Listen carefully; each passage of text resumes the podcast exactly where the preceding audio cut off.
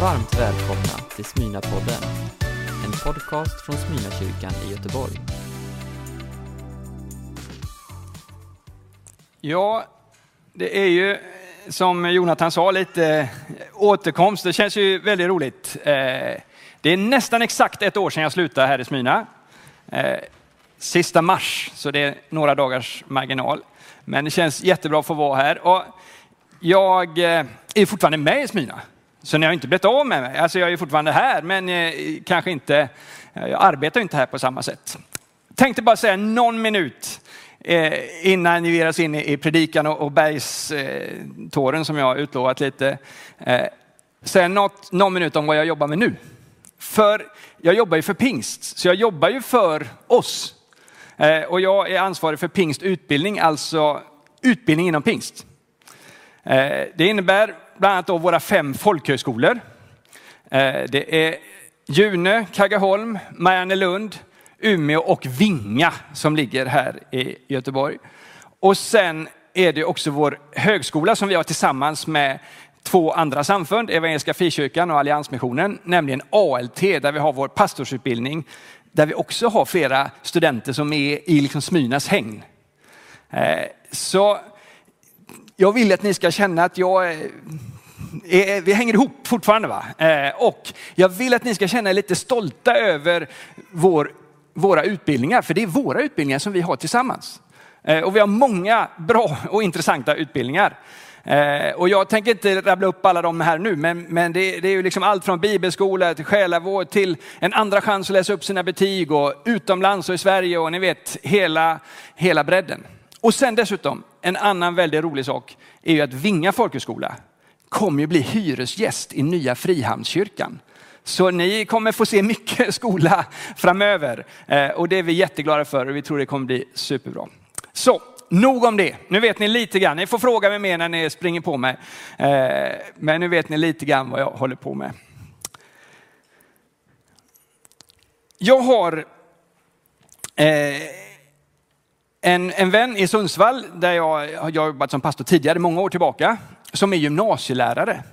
Och han eh, berättar för mig att varje år när man närmar sig liksom, eh, studenten så tar han med sig avgångsklassen upp på eh, Sundsvall ligger liksom i en dal mellan två berg, så han brukar ta med dem upp på södra berget i, i Sundsvall. Och där håller han ett tal för dem. Eh, så, så han har liksom, och eh, vi har någon bild här, nu är det lite by night bild, Han- jag tror han tar med dem på dagen, men men det var den finaste jag hittade. Eh, och så håller han tal för de här avgångsstudenterna och så säger han att nu är vi här uppe, nu ser vi ju stan på ett helt annat sätt. Nu ska ni sluta skolan här och eh, livet kommer ta sig olika vägar. Ibland kommer saker och ting bara gå bra och det kommer vara uppåt och det kommer vara roligt och det kommer vara framgång och medgång. Men ibland så kommer det också komma tuffare passager när man misslyckas, när man inte uppnår de mål man kanske har satt för sig, när man eh, blir sviken och när olika tråkiga, tunga saker händer. Och då brukar han säga till dem att när man går igenom kanske de här jobbiga sakerna, när man, eh, när man står inför de här svårigheterna, vad det nu kan vara, då kan man, bildligt talat, men kanske också bokstavligt, få gå upp på berget och se saker i ett annat perspektiv. Stan ser som sagt annorlunda ut här än när man går nere mellan gator och gränder. Men när vi lyfter oss här, när vi står här och tittar ut över stan, ser den ut på ett annat sätt. Ibland när livet krisar, när saker och ting händer, kan det vara viktigt att få lyfta blicken och få se det på, på det sättet. Så det är liksom talet eh, som han ger, säkert ännu bättre och han har slipat på några år, som han ger till de här studenterna. Och för mig har det, för jag har ju tagit med mig detta, jag har ju hört det för länge sedan. Det har varit en hjälpsamt råd för mig i mitt liv när olika saker och ting har hänt. Att ibland faktiskt få se saker på ett annat sätt, kliva tillbaka, kliva upp och få se det perspektivet. När vi eh, hör texten som eh, vad heter det, Pernilla läste alldeles nyss så är ju lärjungarna, de följer med Jesus upp på eh, ett berg. Man vet inte exakt vilket berg det är. Eh, en del säger att det är Hermon, en del säger att det är Tabor. Eh, vi vet inte vilket berg det är, men de får följa med Jesus upp där och några av lärjungarna och där får de göra sin för att se Jesus i sin härlighet, alltså han, han i sin gudomlighet. Ett, ett perspektiv som de aldrig har sett förut. Alltså det måste ju ha ändrat allt vad de har trott. De hade ju anat att Jesus var spännande, intressant, häftig, livsförvandlande bara på det som hade hänt innan. Men här får de liksom se något liksom puff, som på djupet rör vid dem och ändrar. Eh, och, och man förstår att det är omskakande. Och när man tittar i Bibeln så ser man att ganska många avgörande händelser sker på toppen av berg. Alltså det är som att perspektivet ändras och stora skiften sker. Så jag har tänkt ta er med till fyra bergstoppar här eh, idag, eller egentligen är det tre, men, men det är Sinai, Karmel, Horeb och Nebo. Så vi ska göra toppturer på det. Och den som är då lite bibelsprängd och uppmärksam märker att de här topparna hör ihop med de här personerna som lärjungarna fick se där på förklaringsberget, nämligen Mose och Elia. För det är Mose och Elia vi ska få möta på de här bergstopparna och se de här avgörande händelserna. Och så gör vi nedslag där och sen så kommer vi landa hos lärjungarna på förklaringsberget till slut om eh, jag ror det hela i hamn. Yes, så vi börjar på sidan. Jag vill också bara säga, jag har en dekor här. Eh, ja, det är en disclaimer från början. Det här är då ett berg. Det, det, är mäktigare än vad det först ser ut. För när jag går upp på det så kommer ni märka, eller ja, det är kanske mest för mig, eh, att man kommer lite högre upp ändå. Trots att det här är. Det är också så. Alltså DK-gruppen här i Smyrna ska inte klandras för det här på något sätt, utan det är några i multimedia och eh, teknikteamet och jag som på några minuter har byggt ihop det här. Så ingen skugga över någon i dekorteamet om någon tyckte att det där var lite det här är det bästa vi tre, utan att nämna några andra namn, eh, lyckades få fram. Men ingen skugga över Emma och Anna-Karin som har dekoren idag. Eh, okej, okay, så eh, vi ger oss direkt till det första berget och det är alltså Sinai. Och vi läser texten. Vid tredje nymånen efter det att israeliterna hade lämnat Egypten. Just på den dagen kom de till Sinaiöknen. De bröt upp från Refidim, Refidim och när de kommit till Sinaiöknen slog de läger där. Israel slog läger framför berget och Mose gick upp till Gud och Herren talade till honom från berget. Så ska du säga till Jakobs släkt och förkunna för Israels folk. Ni har sett vad jag gjorde med egyptierna och hur jag burit er på örnvingar och fört er hit till mig. Om ni nu lyssnar till mig och håller mitt förbund ska ni vara min dyrbara egendom framför alla andra folk. Ty hela jorden är min och ni ska vara ett rike av präster, ett heligt folk som tillhör mig. Det är vad du ska säga till detta folk.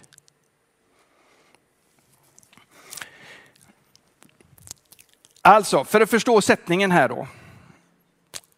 Israels folk, Guds folk, har varit fångnar, slavar i Egypten i, i över 200 år. Och Mose får bli ledaren som, som får med Guds hjälp befria dem från, från slaveriet och fångenskapen. De kommer ut i öknen på väg mot det utlovade eller det förlovade landet. Eh, och så kommer de hit då till Sina i berget.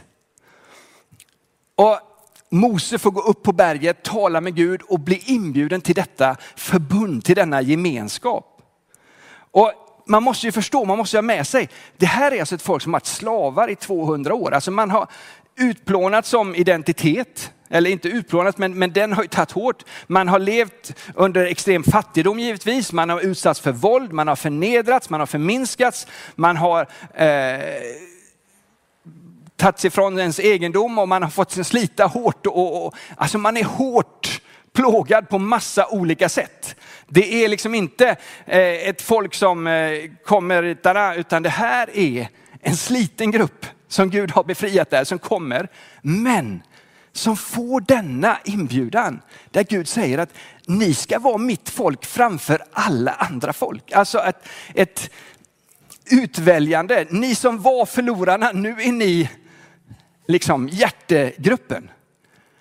Alltså jag tänker vilket perspektivskifte det är. Om vi nu pratar om att gå upp på berget och se saker på ett annat sätt. Här går Mose upp och säger, ni som var förlorarna, ni som var liksom de som har liksom varit minst värda. Plötsligt så blir ni liksom Guds egendom. Plötsligt ser ni mitt folk, Gud själv. Alltså det måste ju ändrat på hur mycket som helst som, som Mose tänkte och som folket tänkte. Och nästa sak som händer är ju det välkända som vi vet. Då får Mose ta emot tio Guds bud. Och så kan man ju då fråga sig, här kommer då den här kärleksförklaringen eller inbjudan till det här förbundet, gemenskapen. Och vad är det första man får i handen? Ja, det är ju samma som när man blir medlem i Smyna. Regler. Eller hur? Va? Nej, man får inte det numera. Men vi har ju stadgar i Smyrna, men ni får inte dem, eh, ni som ska bli medlemmar. Men de får bara massa regler. Välkomna in i klubben, nu är ni mitt egen. Här kommer tio viktiga regler. Alltså man kan ju undra lite över de här. Är det det viktigaste? Är det det första? Jag skulle vilja säga några saker om de här tio Guds bud som, som folket får ta emot där på Sinai eh, berget. Eh, för det första, det finns en stor likhet med det som händer mellan folket och Gud och likheten med det judiska äktenskapet. Alltså hur man, folket får erbjudande och sen folket får ge respons på det. Och i det judiska äktenskapet finns det liksom en, ett kontrakt, ketuba, heter det, ketuba. Eh, och där man kan likna då tio Guds bud vid ett kontrakt. Ja, det, det råder lite delade meningar hur, hur utpräglat just det är, men bilden av Guds folk som liksom nästan som gifta med Gud, den finns genom hela gamla testamentet och vi ser det komma tillbaka, inte minst hos profeterna, när Guds folket kanske vänder bort från Gud och när det går dåligt så används bilderna av att vara otrogna eller att ha svikit den typen av löften. Så när de får de här reglerna så är det på ett sätt lite grann som en bekräftelse av att här, det här är ett, ett riktigt förbund som vi går in i med varandra. Det andra är ju, det är ju detta, än idag i Sverige, jag vet inte, det är 5000 år senare eller någonting, så är dessa tio Guds bud fortfarande grunden för vår moraliska grundsyn. Alltså de där, det här tilltufsade folket som kanske liksom hade tappat tron på, på Gud och på, på varandra och säkert levt, när man liksom dras ner så finns det en risk att man dras ner på olika sätt de fick en standard som har gällt så länge och som präglat oss så länge.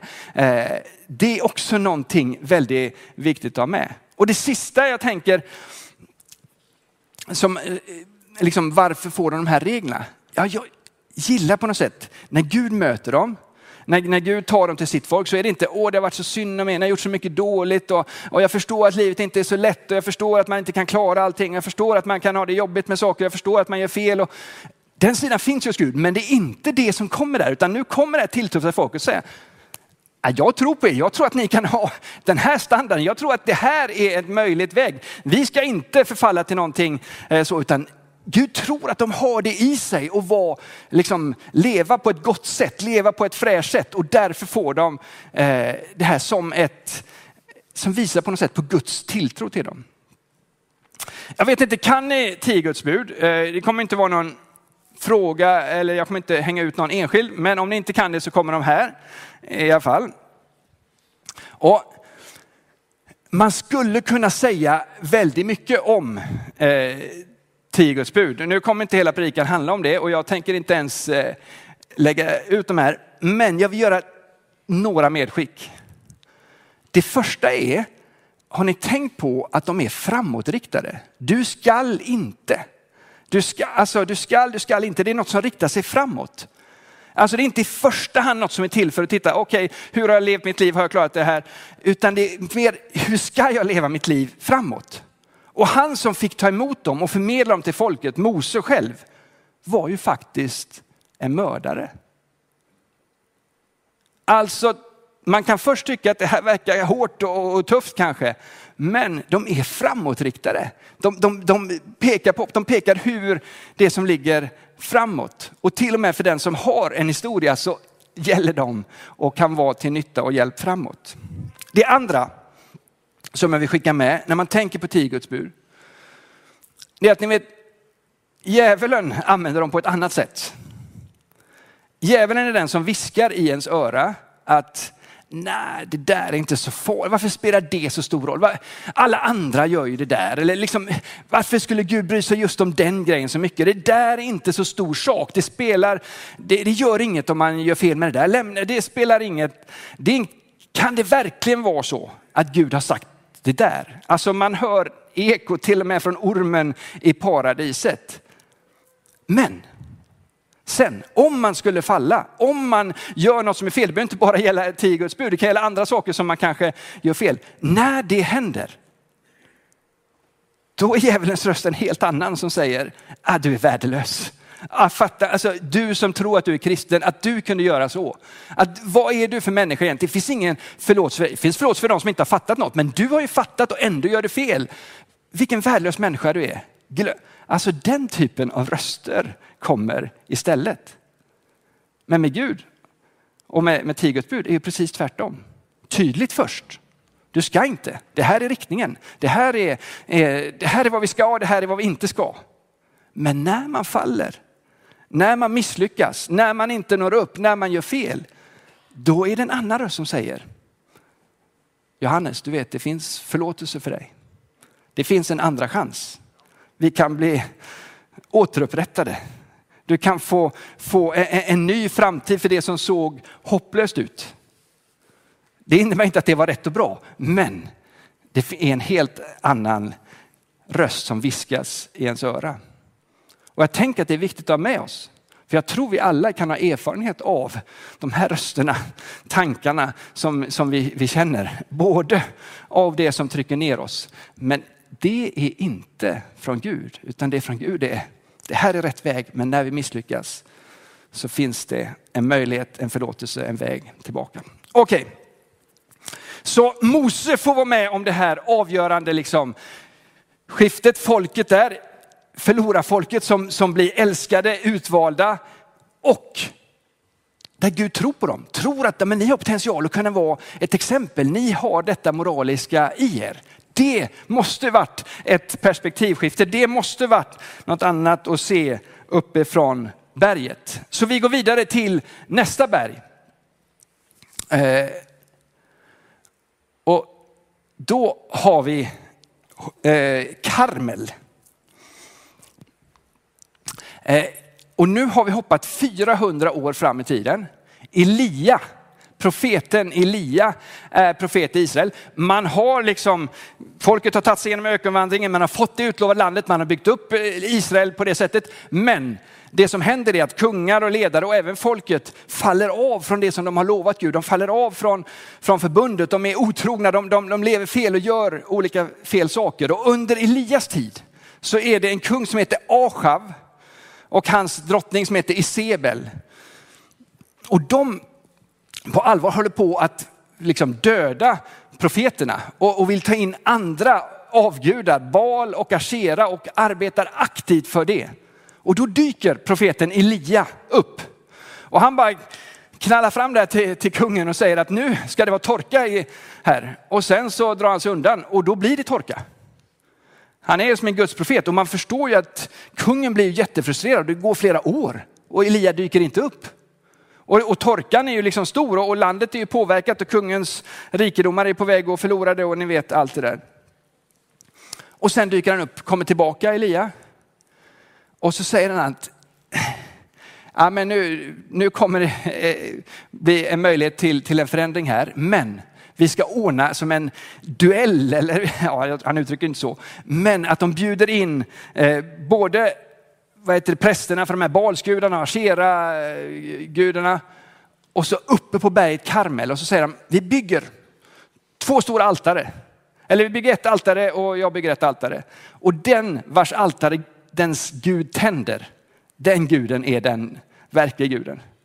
Och, och, det är ju liksom, de bygger ett gigantiskt altare och det är liksom danser och sånger de håller på. Eh, Elia däremot bygger själv ett altare med ett antal stenar. Han öser mängder av vatten över sitt altare. Alltså att han gör det svårt att vara lättantändligt kan man säga. Men under hela tiden så är han väldigt självsäker, nästa, ja, eller man skulle säga kaxig, för han är liksom på de här Balsprofeterna bara, är han Gud, är han på toaletten eller? Det står faktiskt så, fast avsides lite finare omskrivet då i, i bibelöversättningen. Så, så, och jag kan förvånas över hur kaxig han är. Tänk att alla är samlade där och så bara om Gud ska tända elden, alltså han måste ju ändå ha tänkt i sitt stilla sinne. Tänk om det inte händer, tänk om inte elden kommer, vad gör jag då? Hur händer? Men han verkar obrydd på något sätt och bara tror att det där ska hända och säker. Och mycket riktigt, när de ber så pff, händer ingenting för basprofeterna och vad heter det, det står till och med att altaret brinner upp med stenar och allting när, när Gud tänder det. Va? Så det blir en stor triumf och folket bara skriker, men det är ju Herren som är Gud liksom. Och det blir den här stora eh, triumfen. Men då kommer det, och jag ska inte säga att han kanske är lite ödmjukare där, men, men då kan man ju tänka sig att men nu skulle liksom regnet börja regna och det skulle börja, börja smattra ner och nu är torkan slut och liksom alla har bekänt sig till, till den verkliga guden. Men, och han säger till och med till kungen, nu kommer det snart börja regna. Men det börjar ju inte regna. Och där kan man ju ana en liten ödmjukhet hos honom och, och vi ska läsa vad som händer då. Därefter sa Elia till Achav, gå dit upp, ät och drick, jag hör regnet komma. Rätt kaxigt alltså. Achav gick upp för att äta och dricka och Elia gick upp på toppen av Karmel och kröp ihop på marken med ansiktet mellan knäna. Sen sa han till sin tjänare, gå upp och se ut mot havet. Tjänaren gick upp och spejade. Det syns ingenting, sa han. Sju gånger befallde Elia honom att gå, upp, gå tillbaka upp. Den sjunde gången sa han, jag ser ett moln inte större än en hand stiga upp ur havet. Elias sa till honom, gå sig till Achav att han spänner för och åker ner innan regnet hindrar honom. Under tiden hade himlen täckts av mörka moln. Det blåste upp och ett skyfall bröt ut. Då steg Achav upp i vagnen och for iväg mot Israel. Men Herrens kraft fyllde Elia. Han fäste upp sina kläder och sprang före Achav hela vägen fram till Israel. Eh, ja, det är ju en språngmarsch också. Men jag tänker det där som händer när han på ett sätt är han ju förvissad om att Gud kommer att lösa det här. Gud har ju gjort det här med altaret. Ändå så är det som att Gud har sin egen tidsplan för det här med regnet. Och han går upp där på berget, han har med sin tjänare, han kryper ihop. Och, och, och man anar ändå en ödmjukhet och, och, någon typ av kamp. Och tjänaren får gå upp och kolla, har det kommit? Nej. Har det kommit nu då? Nej. Har det kommit nu? Nej. Har det kommit nu? Nej. Har det kommit nu? Nej. Har det kommit nu? Nej. Har det kommit nu? Nu ser jag som en knytnäve. Alltså sju gånger händer den där. Eh, och jag tänker att det är en påminnelse om Guds tidplan som inte, och, och, jag tänker att vi också kan känna igen oss i det, att vi kan ibland, när, när vi tittar på våra liv, vi kan vara trygga ibland med att ja, men Gud har gjort goda saker i mitt liv, Gud är med mig och jag känner mig trygg i det. Men den här saken, den här utmaningen som ligger framför, jag är också på något sätt trygg med att Gud kommer hjälpa mig att hitta en lösning eller att det kommer bli bra. Men ganska ofta kan man vara med om att det går inte i den tidplan som man själv har tänkt. Man går och tittar bara, men nu borde ju lösningen, nu är det ju ändå dags. Eller nu borde ju lösningen komma, eller nu borde Gud ge mig svar på det där. Men det drar ut. Och sen till slut så kommer lösningen, kanske inte så som man först hade tänkt, bara som ett litet, men sen blir det liksom mäktigt och det blir den här språngmarschen. Jag tänker att det också är någonting för oss att, att få påminna oss om i livet. När man tycker att det är liksom kämpigt, när man tycker att ja, men varför händer det inte? Att till och med Elias som var så trosfrisk, som varit med om de stora sakerna, han fick hopkrypen vänta in Guds tid och sju gånger.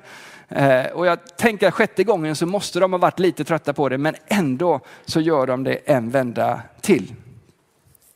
Sen är det ju intressant. Elias springer därifrån. Det här är ju en otrolig triumf för, för Elia. Alltså Gud har visat sig med elden för altaret. Regnet har kommit, torkan är slut, folket har bekänt sig till Herren.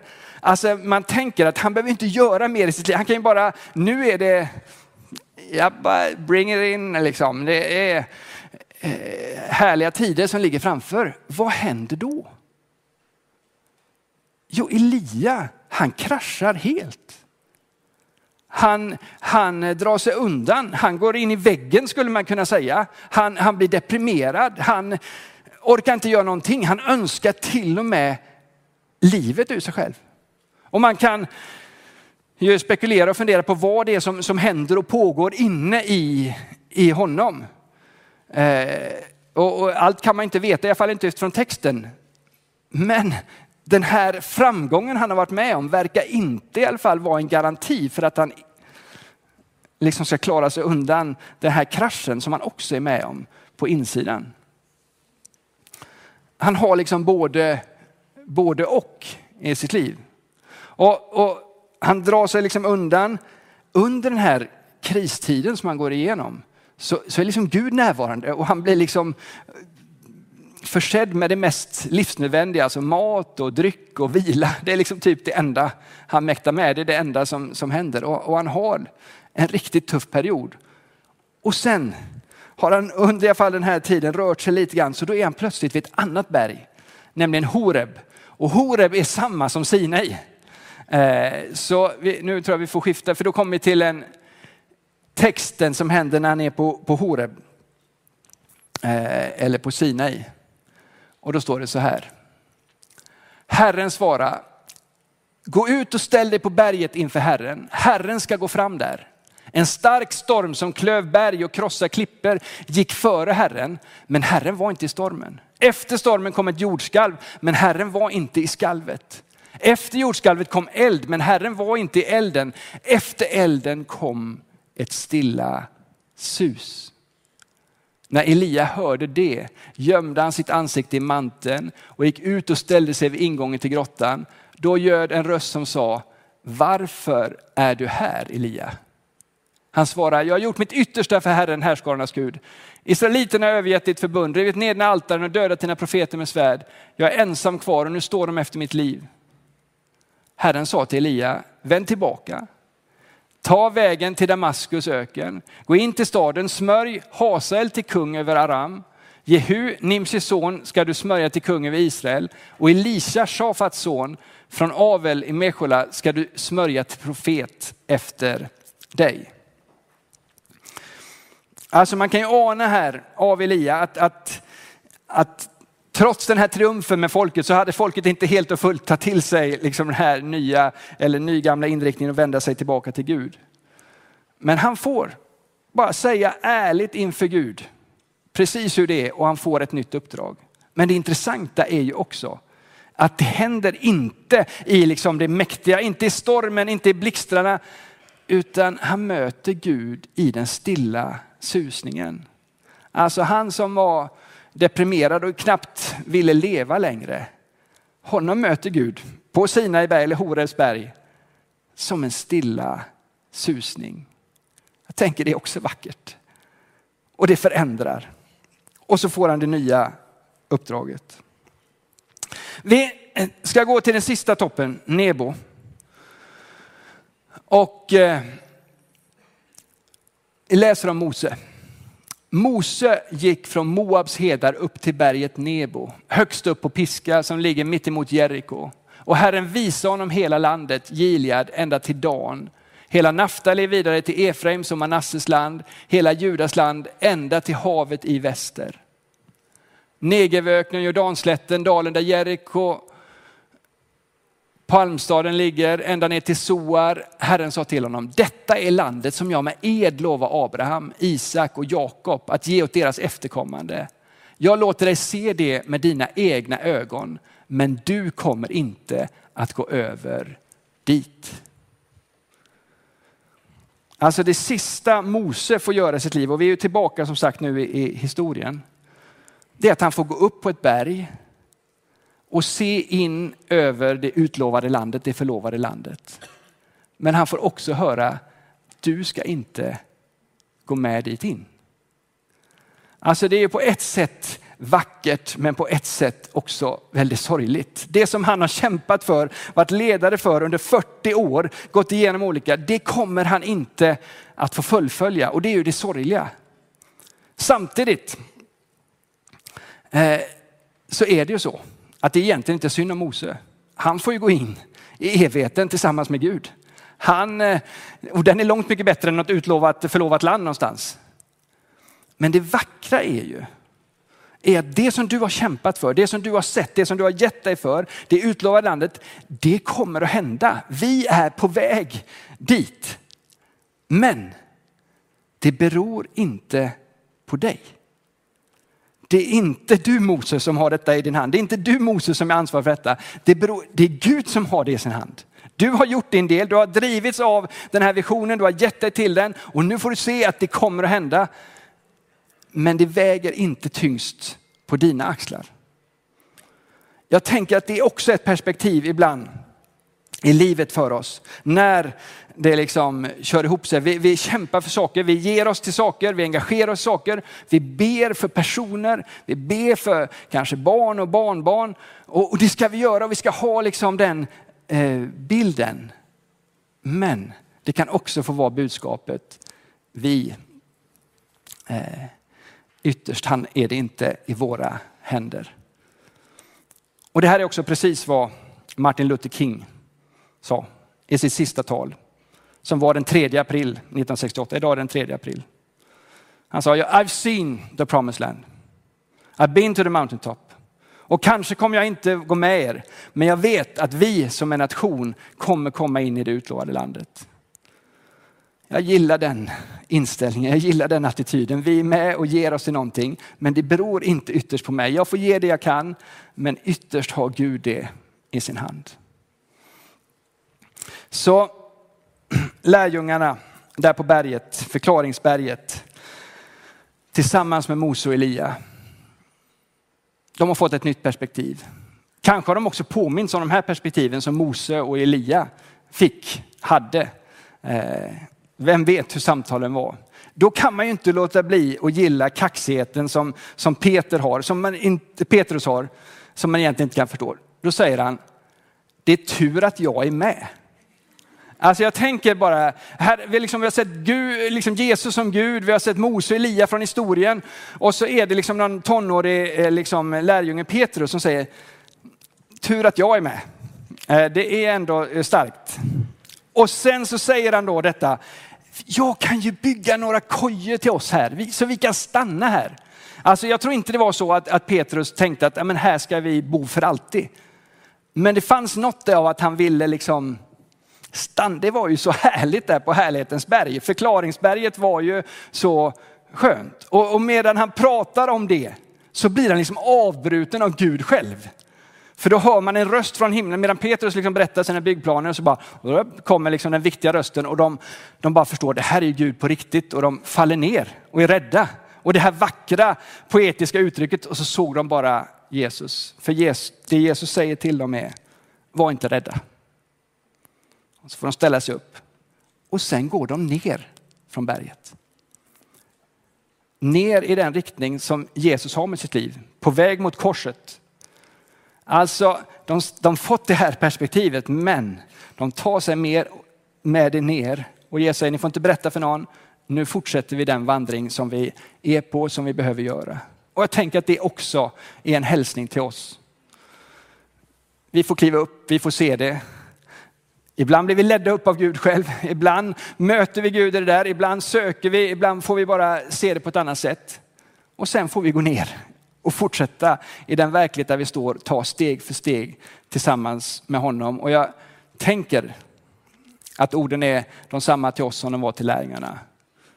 Var inte rädda. Vi ber tillsammans. Herre, tack att du är med var och en av oss. Tack att du välsignar oss och möter oss. Tack att du hjälper oss och leder oss. Tack att du ser den som, som behöver ett nytt perspektiv just nu, Herre. Tack att du möter oss där. Tack att du vet precis vad som är det rätta för var och en av oss. Tack att du utmanar oss på rätt sätt, du stöttar oss på rätt sätt, du uppmuntrar oss på rätt sätt. Och jag ber att vi ska få en stund nu när vi får ta emot ditt goda. Tack att du möter oss. Amen.